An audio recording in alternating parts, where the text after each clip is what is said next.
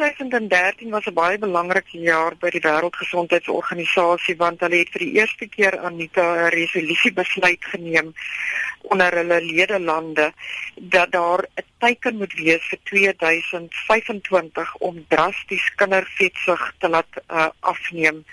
En om hierdie afname te bereik moet ons noodgedwonge ook onder ons ledelande nou kyk na wetgewing wat die regte van kinders beskerm ook ten opsigte van wanvoeding en onthou oorvoeding is ook 'n vorm van wanvoeding en daar was op hierdie spesifieke vergadering besluit dat alle ledelande indringend sal kyk na die wetgewing rondom die beskerming van 'n kind se reg tot behoorlike maaltye, kos ensovoorts. Dis het ons sulke wetgewing in Suid-Afrika? Volgens my beste inligting Anita is dit nog nie in plek nie. Ek sal baie graag wil sien dat ons minister van gesondheid 'n werkende komitee aanstel om te kyk na die huidige wetgewing wat kinders beskerm, watter wetgewing op 'n koste-effektiewe manier aangewend kan word om vir ons die nodige resultate te gee en dan om seker te maak dat hierdie wetgewing wel toegepas word tot op die vlak wat 'n mens in die mediese kringe graag sou wou sien. Nie daar is baie ander lande in die wêreld wat 'n baie hoër vetsige insidensie het. Jy kan byvoorbeeld kyk na al die Midde-Oosterse lande, die Verenigde Arabiese State, Kuwait, selfs Libië, Marokko, ook 'n hoër vetsige insidensie in Mexiko, definitief baie hoër in Samoa, baie hoër vet insidensie in Griekeland die Verenigde State. Nou die land Fit wat waarskynlik een van jou mees gesofistikeerde mediese joernale is, het in 2014 die nuutste wêreldopnames gewys en dit het baie duidelik aangedui dat onder Suid-Afrikaanse seuns onder 20 jaar sit ons met 'n obesiteit insident van ongeveer 7.7%. Dit is nou op 'n BMI of soos ons altyd sê 'n massa indeks bo kan 30 en vir ons dogters is dit op 10.6%. Natuurlik is die oorgewig persentasie is iets wat hoër want nou kyk jy na 'n massa indeks tussen 25 en 30 en dan kyk ons na ongeveer 18.8% in ons seuns onder 20 jaar en ons dogters is dit hierso so by die 26.3%. Maar al daai faktore in ag genome maak dit ons nog steeds nie die wêreldland met die hoogste vetsige insidensie onder ons kinders nie. Dit beteken nie die rooi ligte het nie klaar aangegaan vir ons jeug nie. Watter land het die vetste kinders? Dit wil vir my voorkom asof dit die Somaliese bevolking is.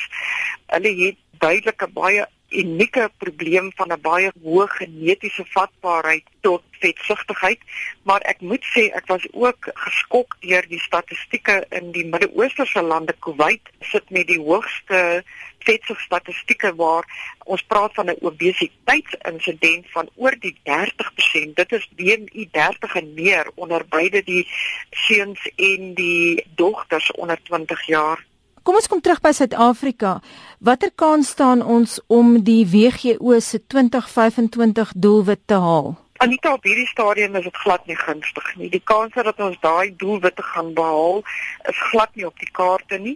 Ons sal moet indringend kyk na regulering rondom snoepiewinkels, kitsmasjiene, wegneem etes, advertensies en op watter platforms ons die inligting vir ouers met die moderne tegnologie aanbied want daar is baie opportunistiese eh, streke wat deesdae hulle koppe uitsteek waar opportuniste hulle self voorhou met oplossings vir kindervetsig op die moderne platforms van elektronika wat beheer sal moet word die regering sal baie indringend daarna moet kyk Waar lê die grootste knelpunt? Mens kan sekerlik nie reguleer wat ouers tuis vir hulle kinders gee om te eet nie. Nee, dit is 'n groot hoofbreking.